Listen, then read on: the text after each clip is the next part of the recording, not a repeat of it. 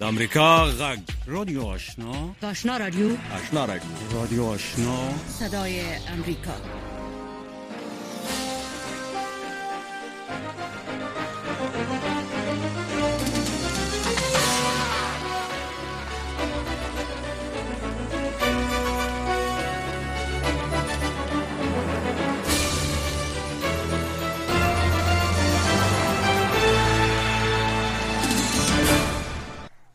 السلام علیکم درنو اوریدونکو ستړي مشئ زه زیبا خادم او حفیظ صفی صاحب د خبرونه قرباني یو دا د امریکا غږ آشنا رادیو خبرونه ده.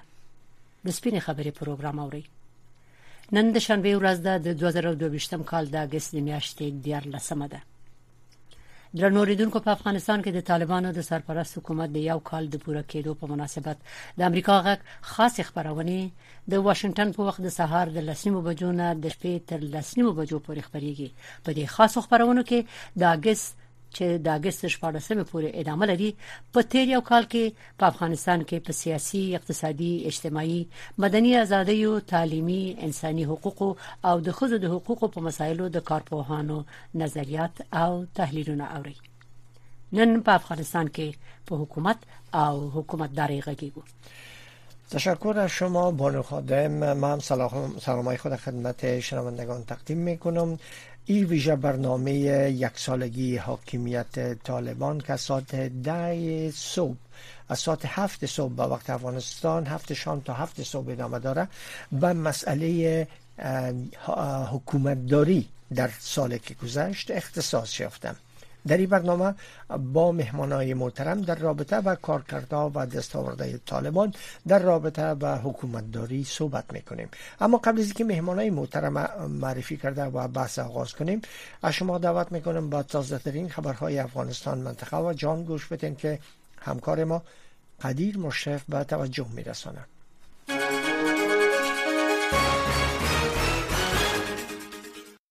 سلام و وقت همه شما بخیر شنونده های عزیز. در آستانه یک سالگی سقوط افغانستان به دست طالبان و ادامه وضع محدودیت ها بر زنان و دختران در این کشور شماری از فعالان زن در کابل دست به اعتراض زده و اما طالبان با شلیک های هوایی این تظاهرات را برهم زدند.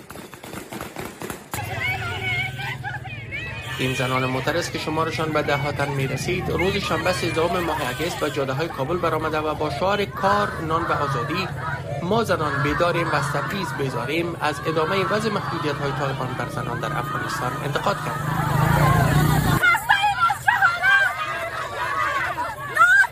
شماری از این زنان با وجود ممانعت طالبان و جمعآوری های همراه معترضان تهدید خشونت فیزیکی و گلوله‌باری هوایی افراد طالبان به هدف متفرق کردن معترضان را در رسانه های اجتماعی خود به گونه زنده نشر کردند.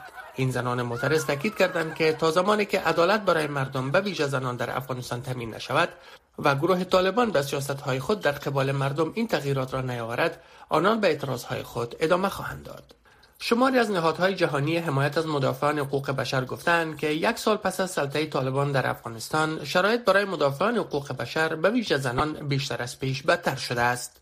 یک سال پیش زمانی که طالبان برای بار دوم قدرت را در افغانستان به دست گرفتند وعده داده بودند که به حقوق بشر از جمله حقوق زنان و دختران و آزادی رسانه ها احترام می‌گذارند اما به گفته نهادهای بینالمللی حمایت از مدافعان حقوق بشر در طول یک سال گذشته طالبان نه تنها نقض جدی حقوق بشر را انجام دادند بلکه به دنبال سرکوب جامعه مدنی و آزادی رسانه ها نیز بودند. جزئیات بیشتر را در وبسایت دری و پشتوی صدا امریکا خوانده می توانید اداره انکشافی بینالمللی ایالات متحده یا USAID 150 میلیون دلار کمک به افغانستان را برای حمایت از زنان افغان، آموزش دختران و پسران و مسئولیت غذایی اعلام کرده است. این اداره وقت روز جمعه 12 ماه اگست با نشر اعلامیه گفت که 30 میلیون دلار از این پول برای برابری جنسیتی و توانمندسازی زنان در افغانستان در نظر گرفته شده است. بر بنیاد اعلامیه قرار است که این پول از طریق اداره ملل متحد برای برابری جنسیتی و توانمندسازی زنان به مصرف برسد. اداره انکشافی بینالمللی ایالات متحده گفته است که پس از حاکمیت طالبان در افغانستان محدودیت ها بر ابتدایی ترین حقوق زنان و دختران افغان افزایش یافته و زنان توسط طالبان در منزل محصور شدند. این اداره گفته است که مکاتب برای دختران بالاتر از صنف ششم بسته شدند دسترسی زنان به کار در مرکز و ولایات صرف به سکتور صحت محدود شده و خشونت علیه زنان افزایش یافته است اداره انکشافی بین المللی ایالات متحده افزوده است که با این کمک ها خدمات لازم برای زنان و دختران فعال شده و دسترسی زنان افغان به خدمات اجتماعی افزایش می‌یابد. در اعلامیه گفته شده است که کمک های اداره انکشافی بین المللی ایالات متحده نشان می دهد که این کشور از زنان و دختران افغان حمایت می کند. ادامه خبرهای افغانستان منطقه و جهان را از رادیو آشنا میشنوید. در حالی که رهبران و شخصیت های سیاسی و ادبی جهان حمله بر سلمان رشدی نویسنده کتاب آیات شیطانی را در شهر نیویورک محکوم کردند چهره های اصلی جمهوری اسلامی ایران فعلا سکوت اختیار کردند اما از سوی دیگر برخی از مقامات دولتی و رسانه های حکومتی از این رویداد به طور علنی حمایت کردند. وحید یمینپور معاون وزیر ورزش و جوانان دولت سیزدهم جمهوری اسلامی ایران در تویت با مرتد توصیف کردن سلمان رشدی که حکم فقهی در مذهب شیعه است در ارتباط با اقدام روز جمعه این نویسنده نوشته است که ماجرا این دفعه واقعا برد برد است. محمد مرندی مشاور تیم مذاکره کننده جمهوری اسلامی ایران در ویانا پیرامون قضیه اتمی تهران نیز در تویت با اعلام اینکه در مورد حمله به نویسنده مثل سلمان رشدی ناراحت نیست و تاکید بر اینکه اشک نمیریزد مدعی شده که با نزدیک شدن به توافق هسته احتمالی چنین اتفاقات عادی نیست. از سوی دیگر با وجود که سکوت مقامات ارشد جمهوری اسلامی نسبت به این اقدام مطابق با سیاست های رسمی و اعلامی حکومت ایران در دهه های اخیر بوده است برخی از رسانه های رسمی یا نزدیک به حاکمیت با انتشار مطالب از آن حمایت یا ابراز خرسندی کردند. خبرگزاری تاس روسیه به نقل از یک مقام ارشد این کشور گفته است که مسکو به واشنگتن هشدار داده که اگر روسیه به عنوان دولت حامی تروریسم معرفی شود روابط دیپلماتیک دو کشور به شدت آسیب خواهد دید و حتی ممکن قطع شود. الکساندر دارچیف رئیس بخش امریکای شمالی وزارت خارجه روسیه گفته است که اگر سنای ایالات متحده طرحهای را برای منزوی کردن روسیه مطرح کند واشنگتن از نقطه به بازگشت روابط بین دو کشور عبور خواهد کرد پیش از این پارلمان لتویا به تاریخ 11 اگست روسیه را به عنوان کشور حامی تروریسم معرفی کرد و از متحدان غربی خواست تحریم های گسترده را علیه مسکو اعمال کنند. یک کشتی کارگو حامل 12 هزار تن گندم امروز شنبه بندر چورنومورسک اوکراین را ترک کرده عازم ترکیه شد. بر اساس گزارش شبکه های روسی یک کشتی دیگری که حامل 2900 تن تخم آفتاب پرست بود نیز صبح امروز شنبه از اوکراین به قصد ترکیه حرکت کرده است.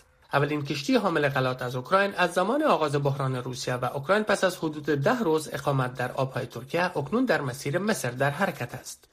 کشتی باربری با پرچم سرالیون آزم ترابلس در لبنان بود اما در سواحل جنوبی ترکیه لنگر انداخت این کشتی حامل 26 هزار تن جواری بندر اودیسای اوکراین را به تاریخ اول آگوست ترک کرد انتقال قلعه اوکراین پس از امضای توافقنامه مهم تحت حمایت سازمان ملل متحد توسط ترکیه، روسیه و اوکراین برای رفع انسداد صادرات غلات اوکراین در بهبوهای درگیری ها آغاز شده است. و وزارت عدلیه ایالات متحده در مورد تخطی های احتمالی دونالد ترامپ جمهوری پیشین از قانون حفظ اسناد جاسوسی و سایر جرایم بعد از یافتن 11 سند محرم در خانه ترامپ توسط اداره تحقیقات فدرال آمریکا تحقیقات می کند. استفنی مورفی قانونگذار دموکرات از ایالت فلوریدا که عضو کمیته رسیدگی به حادثه هجوم به کنگرس است گفت نگهداری نادرست معلومات محرم احتمال آسیب رساندن به امنیت ملی را دارد و افرادی را که در محل کار برای معلومات خیلی مهم مشغولند به خطر مواجه می سازد. این اسناد نشر شده روز جمعه نشان می دهد که سوابق ضبط شده برخشان با تاپه های فوق محرم و همچنین حاوی معلومات حساسند. سوابق محکمه جزئیات مشخصی را از این که این اسناد حاوی چه معلومات است ارائه نکرده است. پایان خبرهای افغانستان منطقه و جهان از روی آشنا صدای امریکا.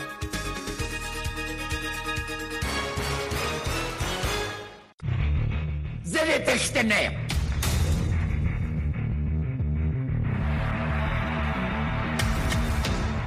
رئیس جمهور پیشین افغانستان. افغانستان ترک کرد. American troops cannot and should not be fighting in a war and dying in a war that Afghan forces are not willing to fight for themselves. نو زه مجبورم له افغانستان وویستل شوم تر څو د خونریزۍ او د کابل د ویجاړېدو مخنیوی وشي افغانستان د طالبانو یو کلنه واکمني په افغانستان کې د امنیت بشري حقوقو او مرمنو د ازادۍ حکومت ولې اقتصادي او بشري بحران مدني فعالیتونو او د بیان د ازادۍ څرنګوالي پر افغانستان د طالبانو یوې کلنې واکمنۍ ته جوړه کتنه د امریکا غږ په ځانګړو خبرونو کې د روان کال د اگست نه همې تر 14 نیټې پورې. د ځانګړو پروګرامونو د لړۍ د امریکا غږ د ټلویزیونی، رادیويي، سپوږمکۍ او ډیجیټل خبرونو لارې کتلای او اوریدلای شئ د امریکا غږ آشنا رادیو درنو اوریدونکو خوشاله چې بیا هم د خبرونه په وړاندې کولو سره دلته په استودیو کې غواړو د ملمنو سره په ټاکلي مسلې باندې وغږیږو. او ټاکلي مسله نن په افغانستان کې حکومت او حکومتداري ده. بله نو ملمانه مودي درنو ریدونکو د سیاسي چارو کارپوهان او تحلیلګران دي. سید نظام الدین وحدت صاحب او د سیاسي چارو کارپوه د سید بلال احمد فاطمی صاحب بله پرویسر برنامه میگن کردو مهمان محترم روی خط داریم. جناب آقای وحدت سلام به شما. تشکر که دعوت مرا پذیرفتین. صدای ما را دارین؟ بله بله. من عرض سلام خدمت شما و همچنان شنونده ها دارم. در خدمت هستم. جناب آقای فاطمی. تشکر از شما. جناب آقای فاطمی خوش آمدین به برنامه. صدای ما رو دارین؟ سلام احترام تقدیم شما و تقدیم مهمان گرامی آقای سید نظام الدین وحدتیار و شنوندگان تلویزیون رادیوی صدای امریکا تشکر از شما. سید نظام الدین وحدت صاحب په خیر راغلی. ډیره مننه چې خبرونه ترغلی است تشکر کوم ودان. فاطمه صاحب محترم تاسو تم ستړي مشو و مننه چې خبرونه ترغلی سلامات اوسه موضوع خو مونږ اعلان کړل د افغانستان کې د حکومت او حکومتداري موضوع ده. حکومتداری یک سالگی حاکمیت طالبان در این رابطه که چی دستاوردها و چی تعهداتی را که باید اونا پذیرفته بودن که انجام بدن. ندادن.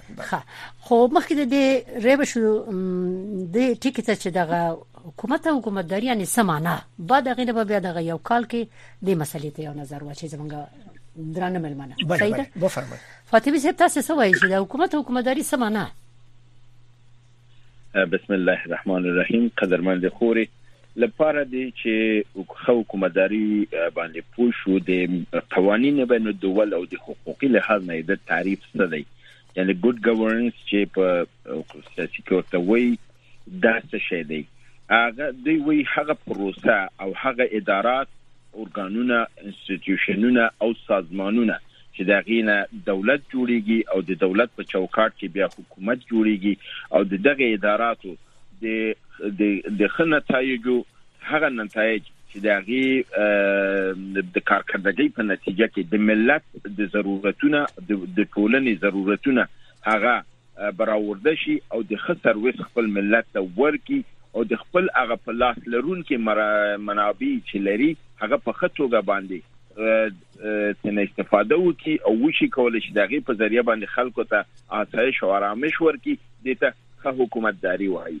د ښه حکومتداري لپاره د ملل متحد د قوانینو په اساس باندې هغه د good governance measurement چې کوي هغه په وو فاکټورونو باندې کوي. د چې وایي چې دغه فاکټورونه په حکومت کې کووسی نو د یو ښه حکومت دی. هغه وی rule of law د قانون عملداري. transparency شفافیت. responsiveness مسؤلیت او جوابدهی ملت ته. consensus oriented اجماعي ملي equity and inclusiveness. همگیر او وسیع البنیاد بودن د حکومت effectiveness and efficiency. خودکفایی او معصریت and accountability یعنی خود احتسابي دغه و هغه معیارونه دي چې دغه معیارونه په یو مملکت یو حکومت کې وسی هغه حکومت دی او خو حکومتداري خاوند دی بیا همدغه همدغه معیارونه اصول باندې بدلیږي چې وو اصول دي چې دغه اصول کې یو حکومت هغه پیاده کی یعنی د seven principles of the good governance چې ورته وي هغه دي اول principle چې دی leadership دی چې خره رهبری ولري. یعنی یو خره رهبری خو حکومتداري کولای شي. چې د رهبری نه تنه د حکومت د رئیس مطلب نه د رئیس سره د کابینه مطلب یعنی خره رئیس خه کابینه لري خه کابینه خه فیصله کوي هر هغه فیصله چې کابینه کوي د رئیس فیصله په لحاظ خره رهبریت او حکومتداري درلود دویم ethics and integrity اخلاقیات او همبستگی.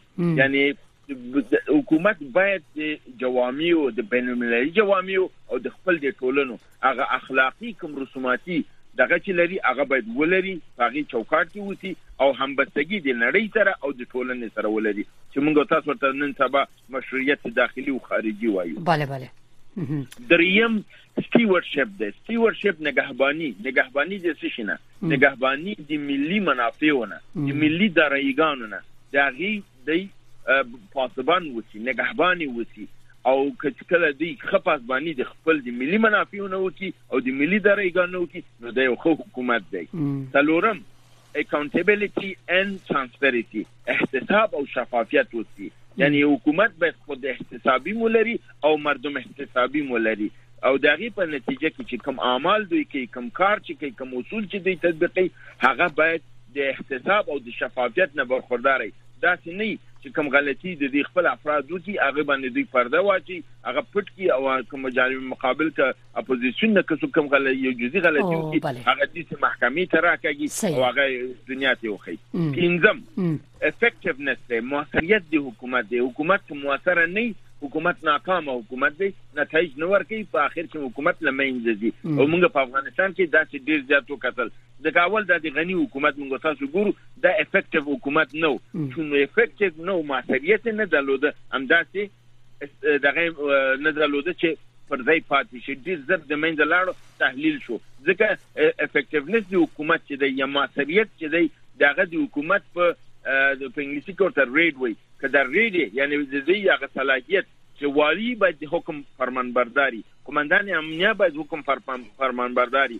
وزیر باید حکم فرمانبرداري. چې هغه ته کوم هدایت د قانون په چوکاټ کې نه د شخصي خواهشاتو په چوکاټ کې. کوم حکم ورکول کیږي هغه باید اجرا کیږي افغانستان کې دغه وجود نه درلوده. اخیری ومه وم وم اصول د حکومتداري چې دي هغه participation دی. یعنی همداري د خلکو. خلک باید په نظام کې سهم ولري اشتراک ولري او ملي مسایل باید خلکو ته معلوم وي کله چې تاسو خلکو سره مسایل شریکوي هغه خپل په جمهوریت نظامونو کې همدا دی چې خلک چې دي پاسبان دي نظام دي او نظام چې دی پاسبان دي حقوق دي ملي او د خلکو دي چې د دې په دغه اساس باندې د خلکو او د ملت او د حکومت ترمنځ یو رابطه جوړیږي. حکومت په ملت باندې جوړیږي او ملت په حکومت باندې اعتماد کوي خپل ټول اجتماعي ورته سپاري او په دغه اساس باندې یو روابط جوړیږي او خو حکومتداري مې سره دي ډیره مننه. په دې پرانا کې به موږ تاسو ته پس ان شاء الله تاسو سوالو بله تشکر. طالبانو دغه نظام په دې په دې معیارونو کې وګورو چې کوم معیارونو کې دوی درست راوځي بله تشکر آقای فاطمی هغه بیا بله تشکر جناب آقای وحدت شما اظهارات آقای فاطمی رو شنیدین. خب یک سال گذشت و طالبان در برابر تمام خواسته های جامعه جهانی متاسفانه که نتانستن اونا را برآورده بکنن. کارشناسان ملل میگن که و هیچ نشانه ای بر تغییر وضعیت حقوق بشر در افغانستان وجود نداره. شما چگونه ارزیابی می‌کنین یک سال حاکمیت طالبان را بر افغانستان؟ بفرمایید. سلامت باشین. قبل از اینکه من مورد این سوال بپردازم به این سوال خوب است که جناب فاطمی بسیار علمی و محکم نیشن یا دولت را معرفی کردن همین شاید جایش باشه باشه و ها نیاز داشته باشن که من هم ملت را تعریف بکنم که بله. بسیار خوب. بله. ملت به تعریف کلاسیک از پنج عنصر ساخته شده که یکی سرزمین مشترک اول دومش است. بله. فرهنگ مشترک سومش است اقتصاد مشترک چهارمش است و بالاخره دولت مشترک یا نیشن یا نشکریزی پنجمش است این تعریف کلاسیک یک ملت است. یعنی یک ملت از اینمی عناصر تشکیل میشه. یعنی افرادی که دارای یک جغرافیای واحد صاحب یک فرهنگ مشترک صاحب اقتصاد مشترک و بالاخره صاحب دولت واحد یا مشترک هستند. این میشه ملت. متاسفانه در افغانستان این پروسه ما نتونستیم. طی کنیم از مشروطه اول تا به امروز با تلاش های متعدد و قربانی های مختلفی که دادیم ما متاسفانه نتونستیم و مراحل را پشت سر بگذاریم و به حیث یک ملت با این تعریف. در حالی که تعریف امروزی یا مدرن ملت عبارت از افرادی که با هم شریک نفع و ضرر هستند. یعنی داوطلبانه میان یک در یک سرزمین یک دولت تشکیل میتن به یک قانون اساسی که تمام ارزش ها را معین می‌کنه. همه با او توافق می‌کنن یا رای می‌کنن یا در یک همه کرسی یک قانون اساسی را قبول می‌کنن و اینا داوطلبانه با همدیگر تعهد می‌کنن که ما شریک نفت و ضرر یکدیگر هستیم. و مکلف به جلب منفعت و دست هستیم. که متاسفانه ما به این تعریف که نرسیدیم که هیچ با او تعریف کلاسیکی هم که ملت تعریف میشه ما متاسفانه به اون نرسیدیم. هرچند که ما سه بار با انگلیس جنگ کردیم یعنی استعمار یا استعلاء خارجی را دفع کردیم استقلال را گرفتیم اما متاسفانه یک فازی از رسیدن به یک ملت که عبارت از دفع و طرد استعمار و استعلاء خارجی بود را توسط شیخ قاضی امن مرحوم به دست آوردیم. فاز دوم که ما در داخل سرزمین باید ملت سازی می‌کردیم کشور سازی می‌کردیم یعنی تنها آزادی آزادی از اطلاع خارجی نیست. آزادی داخلی مهم است. یعنی باید اقوام را از اسارت ارباب ها و سران قومی و انواع و اقسام آدرس های دیگه که در داخل جامعه عقب مانده و سنتی بود باید مردم آزاد می شدن و آزادی تردید پیدا می کردن می اعمال اراده خود را به صورت مستقیم بکنن نه بل وسیله واسطه که عبارت از اونمو خوانین و ارباب ها و روحانیون و امثال هم بود. متاسفانه در این مبارزه ما شکست خوردیم علیه امرولا خان استعمال توضیح کرد و بالاخره امرولا خان مجبور به ترک کشور شد. بعد از او تا امروز تمام نظام ها و حکومت هایی که آماده تعریف مکمل یک کشور و یک سرزمین و یک ملت را با خود نداشته. متاسفانه. یعنی دیدی علت همینطور هست. یعنی ما هیچ نوع نظامی را نداشتیم و شاید نبودیم. در این پروسه 90 ساله که بر اساس اراده و رأی مردم و خواست مردم و مشارکت مردم آماده باشد حکومت آقای اشرف غنی هم دقیقا این قصه را داشت که شما شاهد بودین در افغانستان ما از 2002 از اروپا پس رفتم به افغانستان توسط ملل متحد پروسه عودت متخصصین و تا همه اخیر هم تا سقوط کابل تا 15 اگست هم کابل بودم. از نزدیک شاهد از 2001 نه امریکایی ها علاقه ملت ساختن داشتن و نه اونایی که افغان هایی که در این حکومت شریک بودن هیچ نوع علاقه مندی برای ملت ساختن و دولت ساختن نداشتن. که دولتی ملی. این فکر می‌کردین که اینا یک یک یک شرکت تجارتی هستن بیشتر از تا که یک حکومت باشن. چون شما در انتخابات دیدین با وجود از اینکه یک دموکراسی وارداتی و به غیر طبیعی بود اما فرصت می‌داد برای افغان ها که بتونن اعمال اراده بکنن.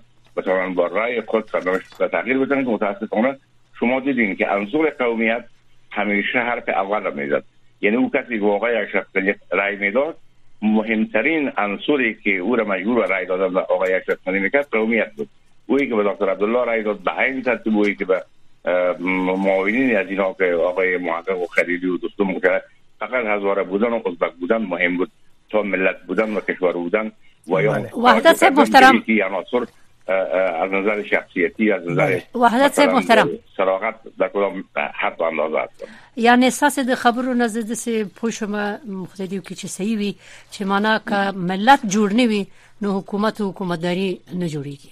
ځکه تاسو به د ملت تعریف وکړه بله؟ یعنی د دومره کلونو کې په افغانستان کې ملت په واقعي معنا نه دی جوړ شوی نشته ملت. صحیح؟ خب. مطلق. دلیل روشنش. شما مثلا در پارلمان ببینید هر کسی که رای داد 90 درصد کسانی رای گرفتن بیشتر از قوم خود رای گرفتن. یعنی هر آدمی که پای صندوق رای رفته قومیت برش مهمتر از اهلیت او آدم بوده که برش رای می‌داد و او برای نماینده میمود پارلمان شما کمترین نماینده را داشتن که مردم به اساس غیر قومیت بر از او به اساس شخصیت و کارنامه و دانش و برنامهش رای داده باشد بدان یک جامعه که تا این حد دچار عقبمانی و ذهن زدگی و سیاست زدگی و فرهنگ زدگی باشه. بله. انتظار نمیره که یک دولت ملی و شکل خب اگر برگردیم به که طالبان سوال اصلی همینجا بود که اگر شما از جامعه و از گذشته صحبت کردین و چگونگی مشکلات و نارسایی های حکومت های سابقه حال اگر برگردیم به یک سالگی حاکمیت طالبان در این مورد نظر شما را می‌خواستم. خواهش می‌کنم طالبان یک غیر متعارف نیست. او رقمی که بعضی ها تصور می‌کنن از امان الله خان مرحوم تا امروز بین شهر و دی یک جنگ روان است. یک جنگی که همه کس را دیده نمی‌تونه و جز متخصصین که کارشان مطالعه وضعیت اجتماعی فرنگی و سیاسی است دیگران نمی‌تونن ببینن. بین سنت و مدرنیته یک کشمکش است. همونطور که شما دیدین که مرحوم الله خان است سنت بود که آماد از قریه و شهر و بالاخره باعث شد که مدرنیته و حکومت مدرن و یک پر سقوط بتن و نهایتا سیستم دیگه بیارن. طالبان هم یک بخشی از اینمی جامعه است که در قریه ها بزرگ شدن حتی یک سنت مکتب نخواندن. اینها از قانون خانواده که شروع میشه تربیت انسان ها که با خشونت روبرو بودن با با با زورگویی برادر کلان پدر پاپا و ماما هر کسی که در محاول بونه بوده با اینا خشونت کرده و اینا به روحیه به بار آمدن و بزرگ شدن. وقتی که این رسایی ها در حکومت ها رخ میده حکومت های مختلفی که آموخته از دموکراتیک شروع کنیم تا به دموکراسی اخیر. مردم قریه با این ارزش هایی که در شهرها مطرح بود و این خواسته های مدرنی که مردم شهرنشین داشتن همیشه با این خواسته ها مشکل داشتن و حق هم داشتن. برای که شما از کابل سی کیلومتر دورتر برین به یک قریه شما هیچ نوع آثاری از خدمات اجتماعی را دیده نمی‌تونین شما نه اونجا سرک غیر می‌بینید نه اونجا برق می‌بینید نه اونجا کلینیک صحیح نه اونجا مکتب است. نه اونجا پلیس است نه اونجا سارنامول است نه اونجا قاضی است و این افراد به صورت طبیعی آمادگی از این دارن که هر کسی در برابر شهر و در برابر مدرنیته و مدرنیزم بخواه قد علم بکنه اینا پشت سرش حساب میشن و لشکرش هستن و اینا هم اینا موتور یک جمع بودن که طالبان و یا مثلا رهبران طالبان یا سایر حلقات تروریستی که در افغان با آسانی توانستن سربازگیری بکنن و یک, یک جمع بزرگی از جوانها را به سمت خود بکشانن و استعمال کنن و نهایتا جنگشان هم با شهر بود با مدنیت بود با دموکراسی بود با قانون اساسی بود با جامعه نظاممند و قانونمند بود. بالاخره به نتیجه هم رسیدن و ثابت کردن که بار دیگه سنت تانیس مدرنیته شکست بده. و در نهایت و, و ما یک بود دیگه هم از با اجازه خانم خادم یک سوال زمینی هم من دارم جناب آقای وحدت. و و می که خب سیست که بین روستانشین ها و شهرنشین ها همیشه کشمکش و تضاد بوده. اما یک بود دیگه این مسئله هست که یک گروه خودجوش مردمی نبوده. بالاخره کشورها و یا کسای دیگه در عقب از اونا قرار داشتن که ای ای جنبش به اصطلاح به پیروزی برسانه. درست نیست؟ بدون شک. وقتی شما زمینه داشته باشین من با شما یک حرف می‌دونم شاید یک متعارف نباشد مرا ببخشید من رشته جامعه شناسی سیاسی بله بله. واسطه مرزبین گرفتیم از جوایز نیرو. من براتون بسیار به صراحت میگم که اگر بخواین در این تحولات مقصر اصلی رو پیدا کنین مقصر عقب ماندگی جمعی یا ملی هست. یعنی, مق... یعنی بزرگترین عامل این شکست و این ناکامی های پی در پی همین این صحیح است که همیشه برای مداخله و کشورهای وجود داشتن های وجود داشتن و دهها کشور و استخبارات منطقه و جهان در قضیه افغانستان از روز اول تا به امروز دخیل بودن به طول نیم قرن دخیل بودن پیش از او انگلیس ها دخیل بودن در قضیه.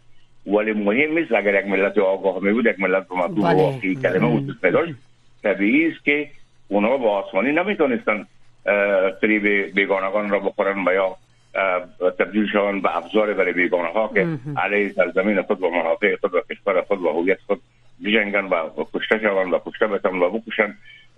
ما هدف می بود که این ضعف های خود را باید بشناسیم. یک روزی بالاخره باید این واقعیت ها را بگوییم. تا چه وقتی را کتمان کردن شعار دادن که ما یک ملت 5000 ساله هستیم ما یک ملت از نظر ما میگم از یک گوسوله بود جامعه شناس بسیار مشهور فرانسوی میگه. میگه هیچ امکان نداره ملتی که فرهنگ قوی داشته باشه ممکن نیست که اقتصاد ضعیف داشته باشه امنیت ضعیف داشته باشه و دولت ضعیف داشته باشه. یعنی فرهنگ با مسابقه مجموعه از دارایی‌های مادی و معنوی یک ملت ملت یک فرهنگ قوی داشته باشه دائم اقتصاد قوی داره و دائم حکومت قوی داره و امنیت قوی داره و آسایش قوی داره. ما از نظر فرهنگی شاید تقیل ترین ملت کره زمین هستیم. ما با فقر اقتصادی زیاد توجه می‌کنیم متوجه فقر فرهنگی خود نیستیم و می شما ببینید در جامعه موجود افغانستان یک آدم دکترا داره ولی تعصب داره. دکترا داره آماده 20 سال به زندگی کرده. شما ببینید در تلویزیون ها می‌بینید در ها می‌بینید در صفحات مجازی شاهد هستین که یعنی حتی دکترا نتونسته یه خانه بسازه که برادر انسانیت بالاتر از از قومیت است درست. این وضعیت ما. بله. تشکر جناب آقای وحدت. صاحب محترم نو خبرونه به با ادامه ورکوم. بله بله. بیرته برای شو فاطمه صاحب تاسو ته. تاسو خو د استاد خبرې واوري